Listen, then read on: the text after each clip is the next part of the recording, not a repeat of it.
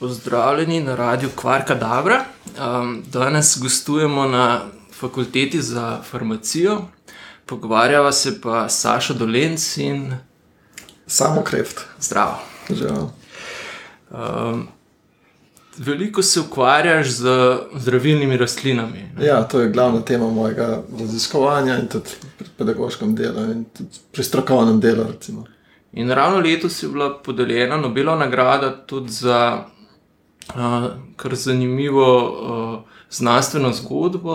Ena od dobitnic Nobelove nagrade je bila uh, kitajska raziskovalka, ki mislim, da sploh nima doktorata. Ne? Saj tako je bilo v nekaterih poročilih predstavljeno, je vodila pa neko skupino, ki je odkrila zdravilo proti malariji. Ja, tako je. In to iz rastline, zdravila. Um, in to uh, iz rastline, ki so jo že v kitajski tradicionalni medicini uporabljali proti malariji.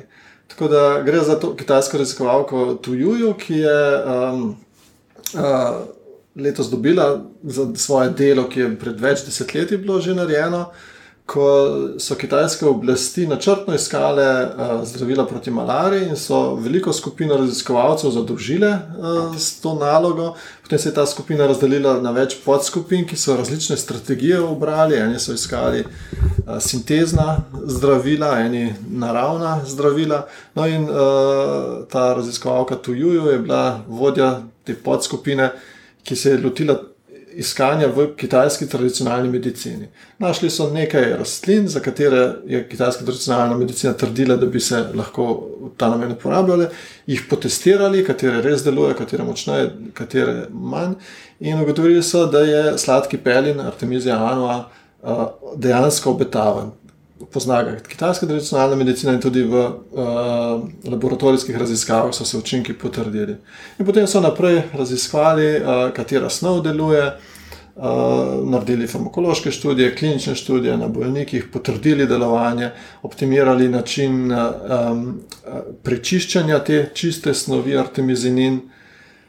Kar ni bilo lahko, ker ima tako zanimivo kemijsko strukturo, z kemijsko vezijo kisik, kisik, ki je zelo nestabilna in ravno pomembna zaradi učinka, ampak z, z predvsem nehvaležna pri izolaciji, ker lahko že pri predelavi rastline pride do razpada.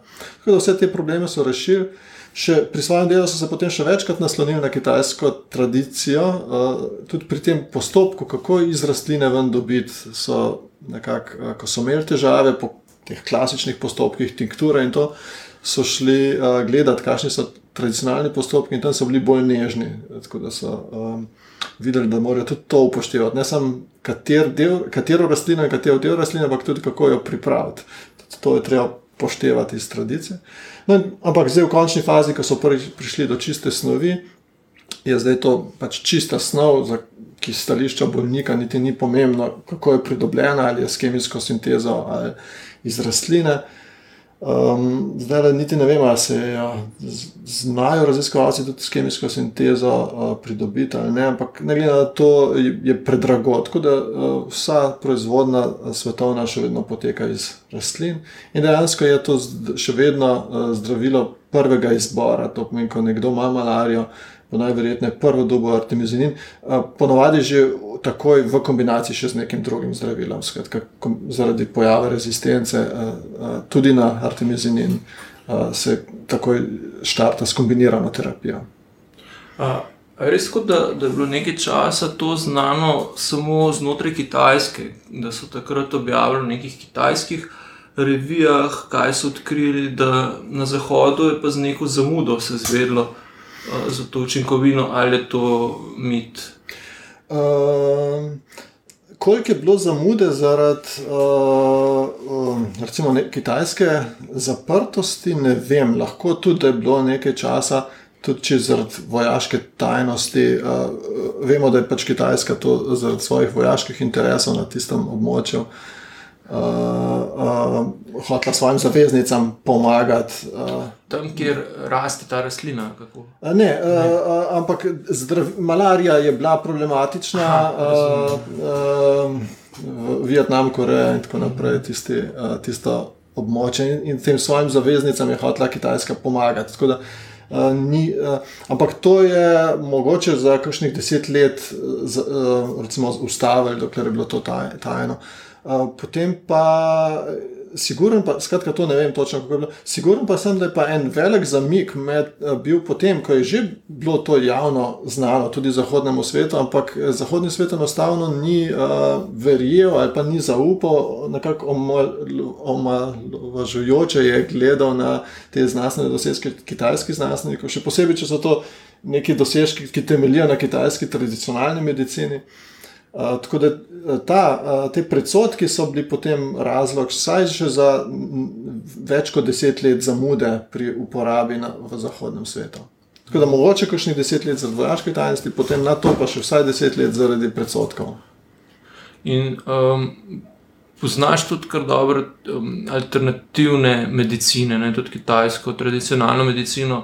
A tam obstajajo kakšne knjige, kjer to piše, ali je to bolj ustna tradicija, da grejo mlajši se potem učiti starejšim. In, uh. Kitajska tradicionalna medicina je že zelo zgodaj bila zapisana, tako da obstajajo uh, uh, zapisi. Um, imamo pa mogoče včasih napačen vtis, da, um, da je vse, kar recimo, je, uh, se uporablja v današnji kitajski tradicionalni medicini, staro nekaj tisoč let. Ni, tudi ta kitajska tradicionalna medicina se je razvijala uh, in dodajala nove pripravke, nove rastline. Tako da uh, zdaj točno koliko let ali je stara uporaba tega sladkega pelina pri malariji. Ali, uh, ni nujno, da je to 2000 let stara tradicija, lahko je samo 200-300 let stara uh, tradicija. Uh mhm. -huh. Aha, to se pravi, tudi zdaj se še spremenja, uh, so komponirani mogoče kakšne zahodne stvari, tudi v kitajsko medicino, mogoče to veš. Ali? Ja. Uh... Tudi v okviru kitajske tradicionalne medicine se izvajajo raziskave, tako čist fitokemijske, skratka se analizira, se skuša ugotavljati. Ampak uh, težko je, pa točno imajo, jasno pa na kitajskem uporabljajo tudi konvencionalno medicino, uh, zahodno. In težko je čist mejo postaviti. Uh, uh, Skratka, lahko rečemo, da so se zahodni principi v kitajsko tradicionalno medicino vključili, ali so pa sam Kitajci začeli uporabljati zahodno medicino poleg mm. svoje. Ampak njihova ideja, definitivno, pa se tudi še danes spremenja. Mm. Te zgodbe, ko na podlagi nekih tradicionalnih um, zdravilnih rastlin iščejo potem moderna zdravila so, so te zgodbe zelo podobne, da pač vzamejo neko rastlino in potem gledajo, kako bi lahko učinkovala, presijalne študije izvajo in potem poskušajo izolirati uh, učinkovino. Ne, in jo, potem, če se splača kemijsko izdelovati. A, a, večinoma poteka tako, da so kaj. Kakšne... Uh, ja, to je recimo en šolski mm. primer, ne, da izhajamo iz neke tradicije, jo preverimo, izoliramo snov. Ampak skoraj bi rekel, da je v praksi pa več izjem, kot pa uh, rastlin, ki sledijo temu šolskemu zaporedju. Um, skratka, imamo primere, uh, kjer um, so že zelo zgodaj, pred več kot stoletji, uh, uspeli iz zdravilne rastline natančno identificirati kemijsko strukturo snovi, ki so odgovorne za učinek. Uh, tak primer je recimo. Uh, vrbova skorja, v kateri so salicin, to učinkovino že davno uh, odkrili. In ne samo, da so jo odkrili, uh, tudi ugotovili so, da jo lahko uh, izboljšajo, uh, da iz salicina se pridobi salicilna kislina in salicilna kislina acetilsalicilna kislina, um, ki se danes trži pod imenom aspirin in še drugimi uh, generičnimi zdravili. In ta, um, te acetilsalicilne kisline ni v naravi. Um, uh, in tudi že osnovo so že pred stoletji uh, pridobili na povsem kemijski način, čez iz premogovega katrana uh, z karboksilacijo, skratka s kemijsko reakcijo. Um, Pridelali. Skratka, rastlina je tam služila kot nek vir ideje, vir uh, neke um, informacije o tem, katera snov ima kakšen učinek, ampak potem se je ta ideja nadgradila in um, proizvodnja poteka že sto let popolnoma po kemijski poti. Um, drugi primeri so pa uh, primeri, recimo, kjer um, tradicija sploh ni imela nič uh, prsta vmes. Recimo, um, mogoče so zdravila proti raku in tak primer, kjer jih je mogoče. Uh, niti ni v tradicionalni medicini, Uh, tako da, če hočemo zdravila proti raku iskati um, med rastlinami, se je treba drugih pristopov uh, poslužiti. No, in tako je pred nekaj desetletji potekala ena velika raziskava, kjer so 30 tisoč rastlin uh, na ključno izbranih uh, testirali. No, pri raku je tudi ta sreča, da recimo, z relativno enostavnimi laboratorijskimi testi lahko preverimo, ali neka snov ubija rakave celice za kakšno recimo, protidepresivno delovanje, ni kakšnih takih enostavnih laboratorijskih testov. Uh, tako da za iskanje proti de, zdravila proti depresiji ne bi mogli 30 tisoč rastlin uh, testirati. No, tiste se je pa dalo, in rezultat je bil, da izvleček iz tise, ne te naše evropske, ampak ene ameriške, uh, Taxus brevifolia, uh, ugotovili so potem nekaj let kasneje, uh, kakšna, katera snov, taksol, ugotovili kemijsko strukturo, In to je danes priznano zdravilo, že nekaj desetletij uveljavljeno zdravilo, tudi pri nas se uporablja uh, proti nekaterim vrstam raka, uh, ki se seveda samo v prečiščeni obliki, ker samo to se da natančno odmerjati, uh, samo na ta način se uporablja, ne, nikakor ne preupošteva, da bi kakšne tinkture, čaje, kuhali stise. Uh, še vedno se pa uporablja naravne vire. Uh, Našli so tudi alternativne vire. Ti so zelo stropena.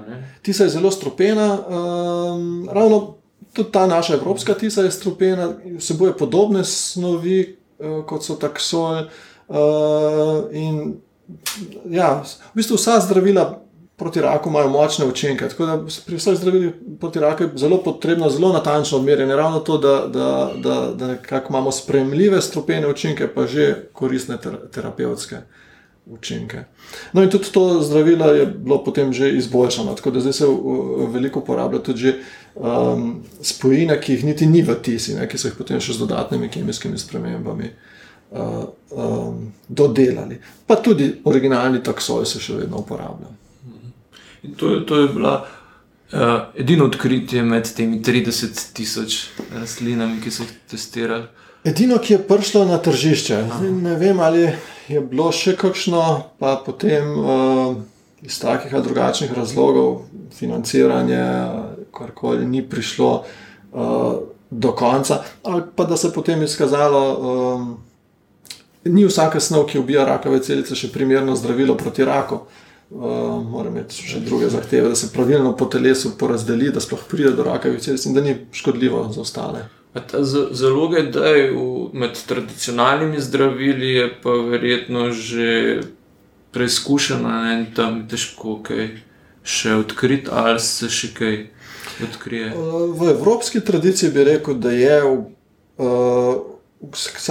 za te rastline z toliko akutnim, hitro delujočim učinkom, da je izčrpano. Tako zvoče češnje, recimo imamo že uh, atropin, že dolgo. Uh, iz, uh, na prstica, digitali, samo kardiotonične glikozide za srce, se, se uporabljajo spet v prečiščeni obliki.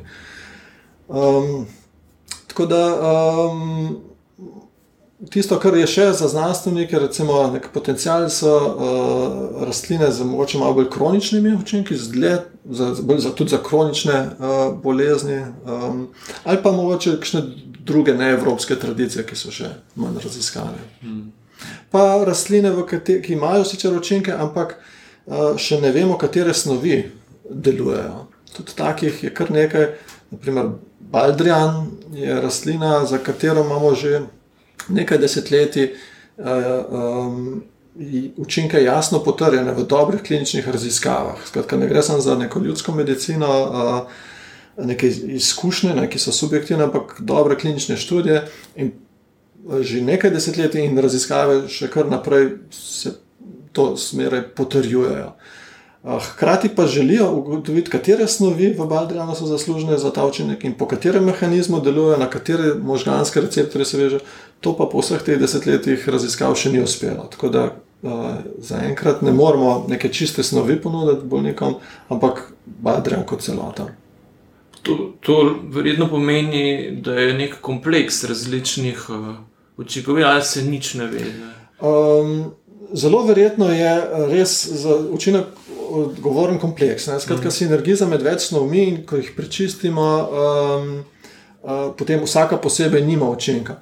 Ampak tudi to so že skušali uh, raziskovati in v po, uh, poskusih pač testirati kombinacijo večjih snovi, za katere vemo, da so obadrjane, in tudi na ta način niso uspeli reproducirati učinka. Tako da uh, ne vem, mogoče da je to res ena. Um, kombinacija večjih snovi, da nisem kombinacija dveh, treh, ali morda celo štirih, ali pa da gre za kakšne snovi, ki, uh, uh, ki še niti nismo uspeli uh, identificirati, na, najti notri, ali so v tako majhni količini, ali ne vem, z kakšnega drugega razloga. Hmm. Zadnji čas se zelo veliko govori tudi o bioloških zdravilih. Uh -huh. um, lahko mogoče sam pojasniš to razliko kaj je zdaj biološko zdravilo, kaj je zdravilo rastlinskega izvora, ali kako se temu reče. Uh -huh. uh. Ja. Če gremo po kakšne zelo take abstraktne, teoretične definicije, lahko se tudi zelo prekrivajo. Ampak v praksi no, se pa ta dva izraza precej ločeno uporabljata. Eh, skratka, zdravila rastlinskega izvora so tisto, kar je iz rastlin in neke kompleksne izvlečke, ponovadi pridobljene z etanolom ali pa s kakšnimi organskimi topili, in gre za neke mehke molekule, ki, ki pri takem načinu priprave pridejo iz rastline. Medtem ko pa biološka zdravila so pa uh, večinoma proteini ali pa vsaj peptidi, skratka neke večje molekule. Um, večinoma uh, so pridobljeni z um, tehnologijo uh, rekombinantne DNA, skratka. Uh, da, da jih načrtujemo, da nek znan protein, za katerega vemo, da ima nek učinek, recimo eritropoetin, človeški hormon, in lahko gen za ta hormon damo v ustrezen drug organizem, ki ga potem proizvaja. Um, tako da, kakšne, kaj, celice. Um, Za različne uh, celice se ponovadi uporabljajo. Uh, odvisno od samega proteina. Naprimer, za uh, inzulin, ki je enostaven protein, lahko z enostavnejšimi, lahko za nekatere lahko celo v bakterije damo, damo človeško DNA v bakterije. Za nekatere druge, recimo kot je eritropoetin, ki ima pa bolj kompleksno strukturo, uh, skratka, je protein, na katerega so še sladkorne enote mm. vezane česar bakterije ne znajo eh, na ustrezen način vezati, moramo imeti pa en bolj. Uh, Zapravo se salče celice. Uh, mislim, da, da je pri eritropoetinu. Uh, Ampak so celice. Ne? Celice, ja, celice. Ne vem pa, kako jim je uspelo.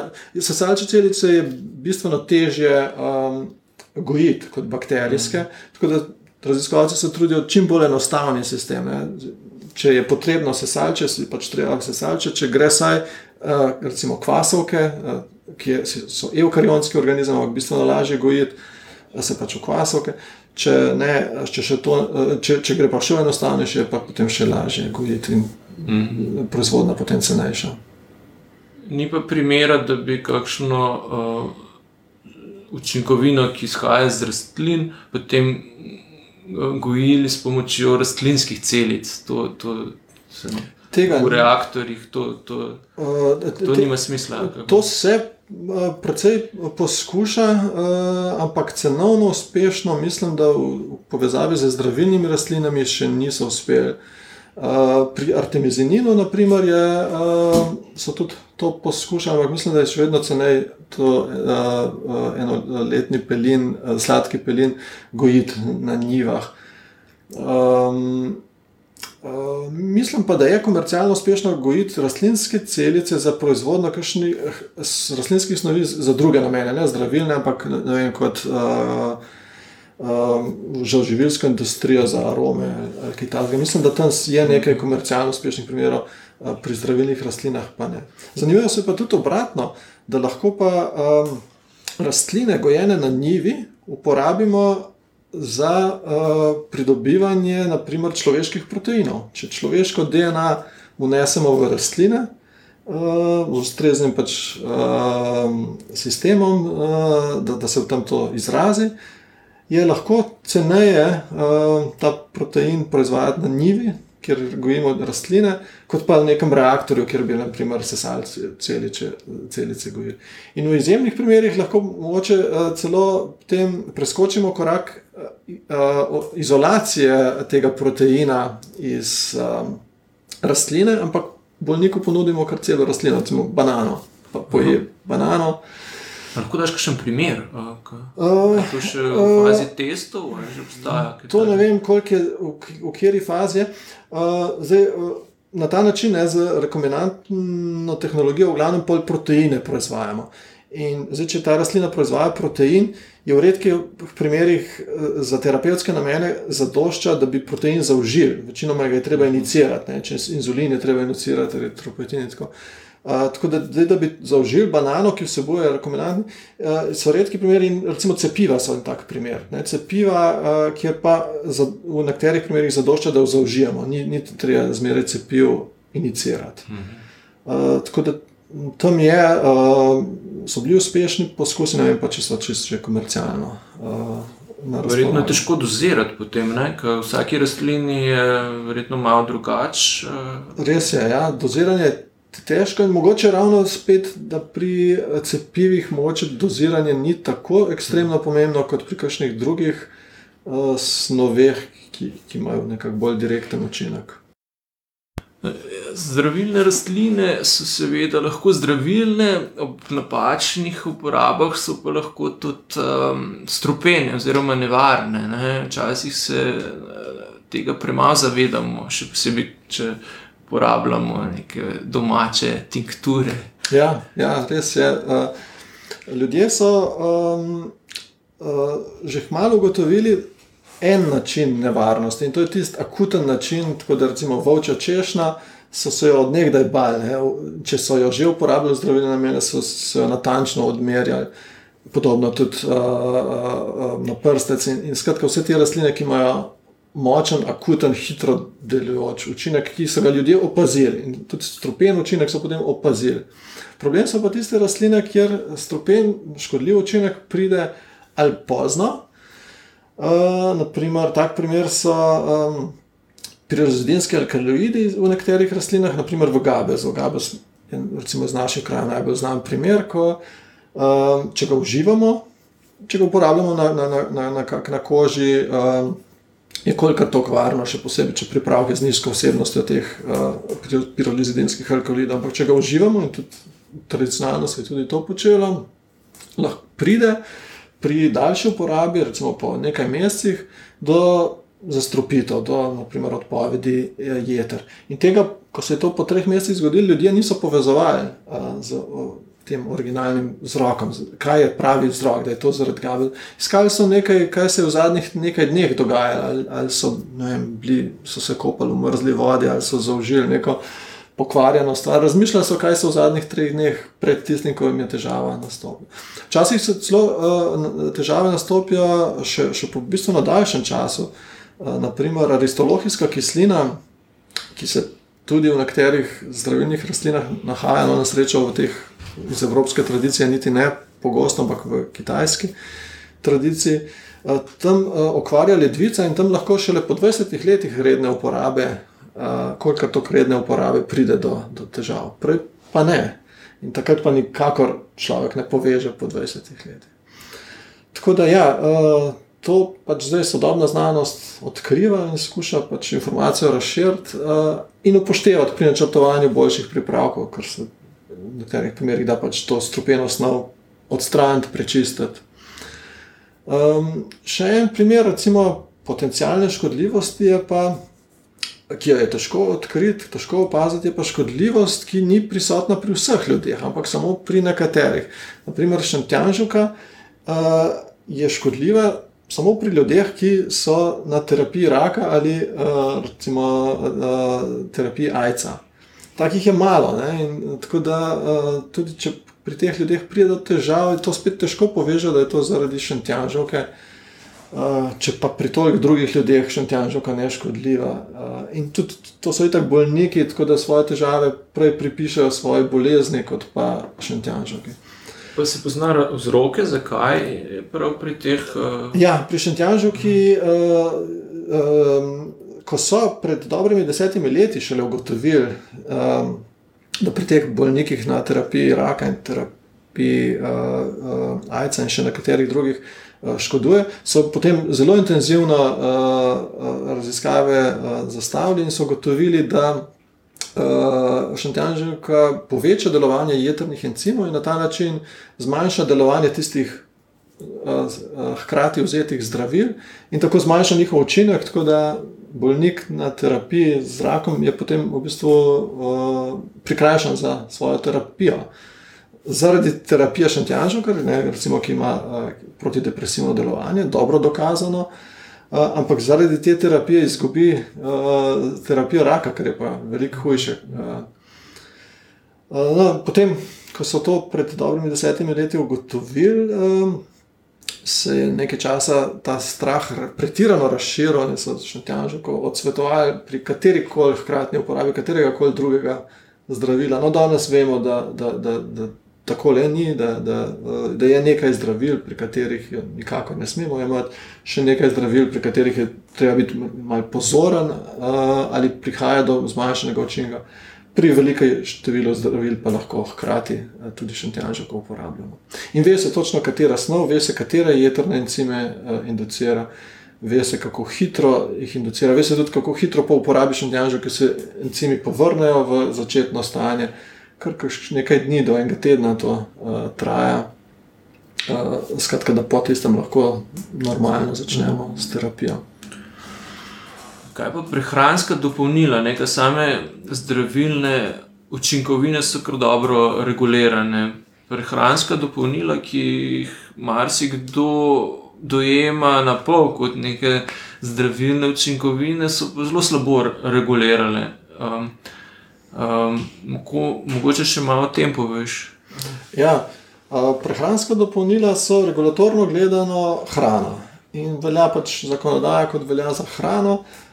Um, uh, torej, nekako uh, zakonodaja opredeljuje predvsem varnost, kako se zagotavlja varnost, in še tukaj določa neke uh, načine zagotavljanja, ki so seveda za hrano povsem primerni, ampak za take izdelke, rastlinske izvlečke v kapsulah, uh, naprimer, pa niso najbolj primerni. Tako da dejansko lahko. Uh, uh, pridejo na tržišče, še posebej, recimo, če to uvozi iz kakšnih daljnih krajev, ker imajo potem še drugačno zakonodajo. Um, um, in tudi pri uvozu, potem, ko pridejo k nam, je spet samo to podvrženo enakim merilom kot za uvoz banane ali pa riža. Ja. Uh, skratka, recimo, pri rižu bolj ali manj se preveri da nima kakšnih uh, bakterij, da nima težkih kovin, da nima ostankov kakšnih uh, strupov, ki nastanejo zaradi plesnivosti, uh, drugega pa se ne preverja. Uh, za zdravilne rastline v kapsulah pa, pa to ni dovolj. Uh, tam, če je nek proizvajalec nekje v Aziji napačno rastlino dal v kapsulo, um, in tudi če nima težkih kovin, tudi če nima bakterij, tudi če nima plesnivih ostankov, je to nezdravo, če odstropljena rastlina. Tako da pa se to dogaja, tako se v bistvu je neka sledljivost tudi za te stvari, če, če se ugotovi, da pride do takih uh, uh, slabih praks. Uh, to se ugotavlja velikrat šele, ko so že posledice. Skratka, ko, nek, ko, ko imajo ljudje težave, zdravstvene težave. In um, veliko se to s pravim zdravkom poveže šele, ko je več ljudi. Ker če je samo nekaj ljudi, potem tudi včasih ne poročajo, ko, uh, kaj vse so imeli, ali pa pozabijo ljudje, točno ne vejo, neke kapsule uh, po internetu kupljene, sem užival, pa ne vejo točno, kje je. Pa tudi če imajo na enem primeru, težko povezati. Skratka, šele ko je več.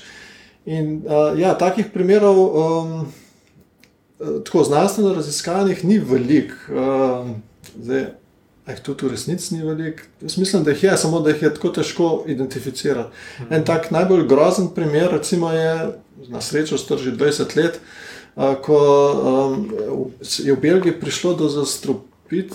odpovedi ledvic pri um, okoli 100 ženskah, ki so neke kitajske skuševalne kapsule uporabljale, katerih je bilo deklarirano, da je zmes 20 rastlin. Skratka, tudi to je za neko inšpekcijo ne mogoče preverjati. Je to res teh 20 ali ena od 20 bila zamešana. Če je to prah v kapsuli, zmes 20 rastlin, to tudi pod mikroskopom in s kemijskimi analizami težko uh, preverjati. In no, izkazalo se je potem, po res šele naknadno, uh, ko, ko je že prišlo do kvarledvic, da je ena od teh 20 rastlin bila zamešana, da je bila neka druga rastlina. Um, Zmotili so se. Uh, ni čist jasno, ali se je ta kitajski proizvajalec zmotil, uh, ker tudi ta druga rastlina, ki je v resnici bila notri, uh, se v kitajski tradiciji uh, uporablja sicer na drug način, bolj kontrolirano.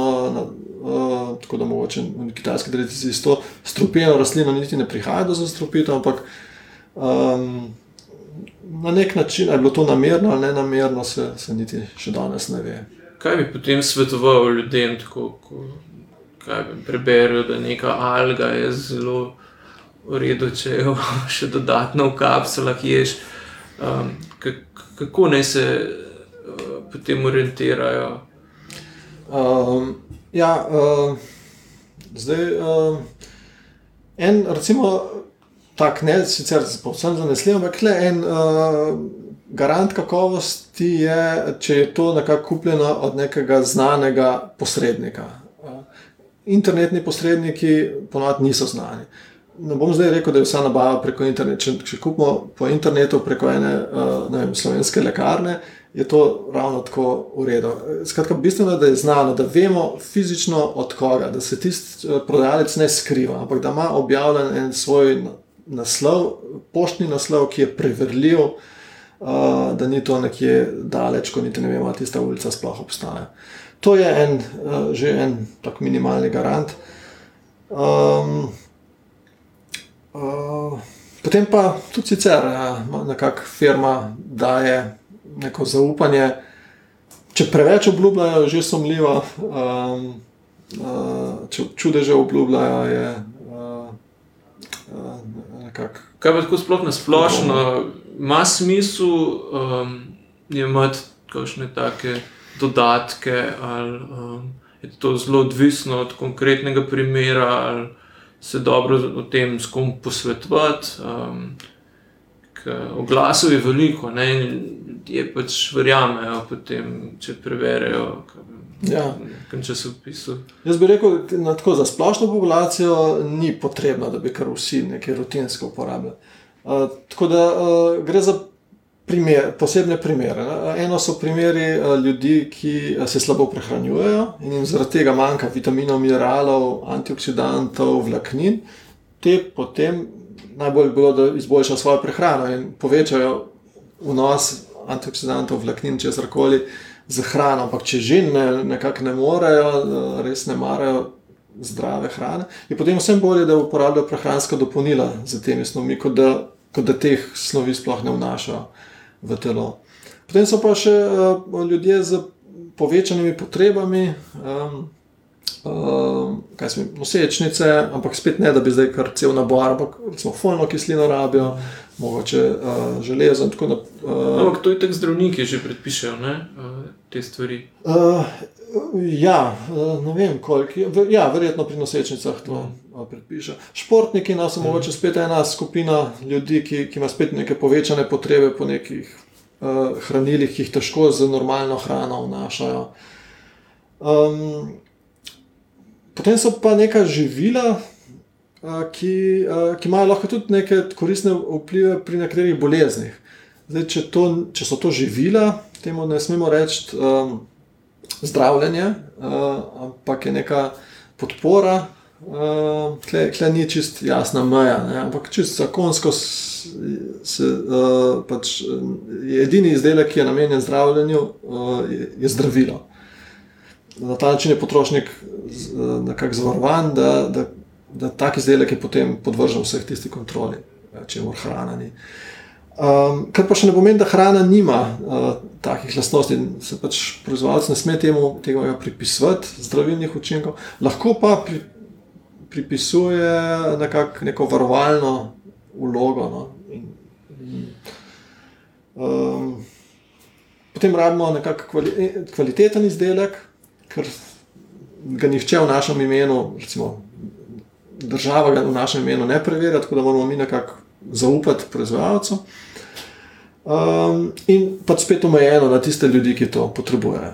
Spet ni nekako za splošno rabo priporočati. V redu. Ja, najlepša hvala za vse te informacije in za pogovor. Prosim, veseljem. Adijo. Ja.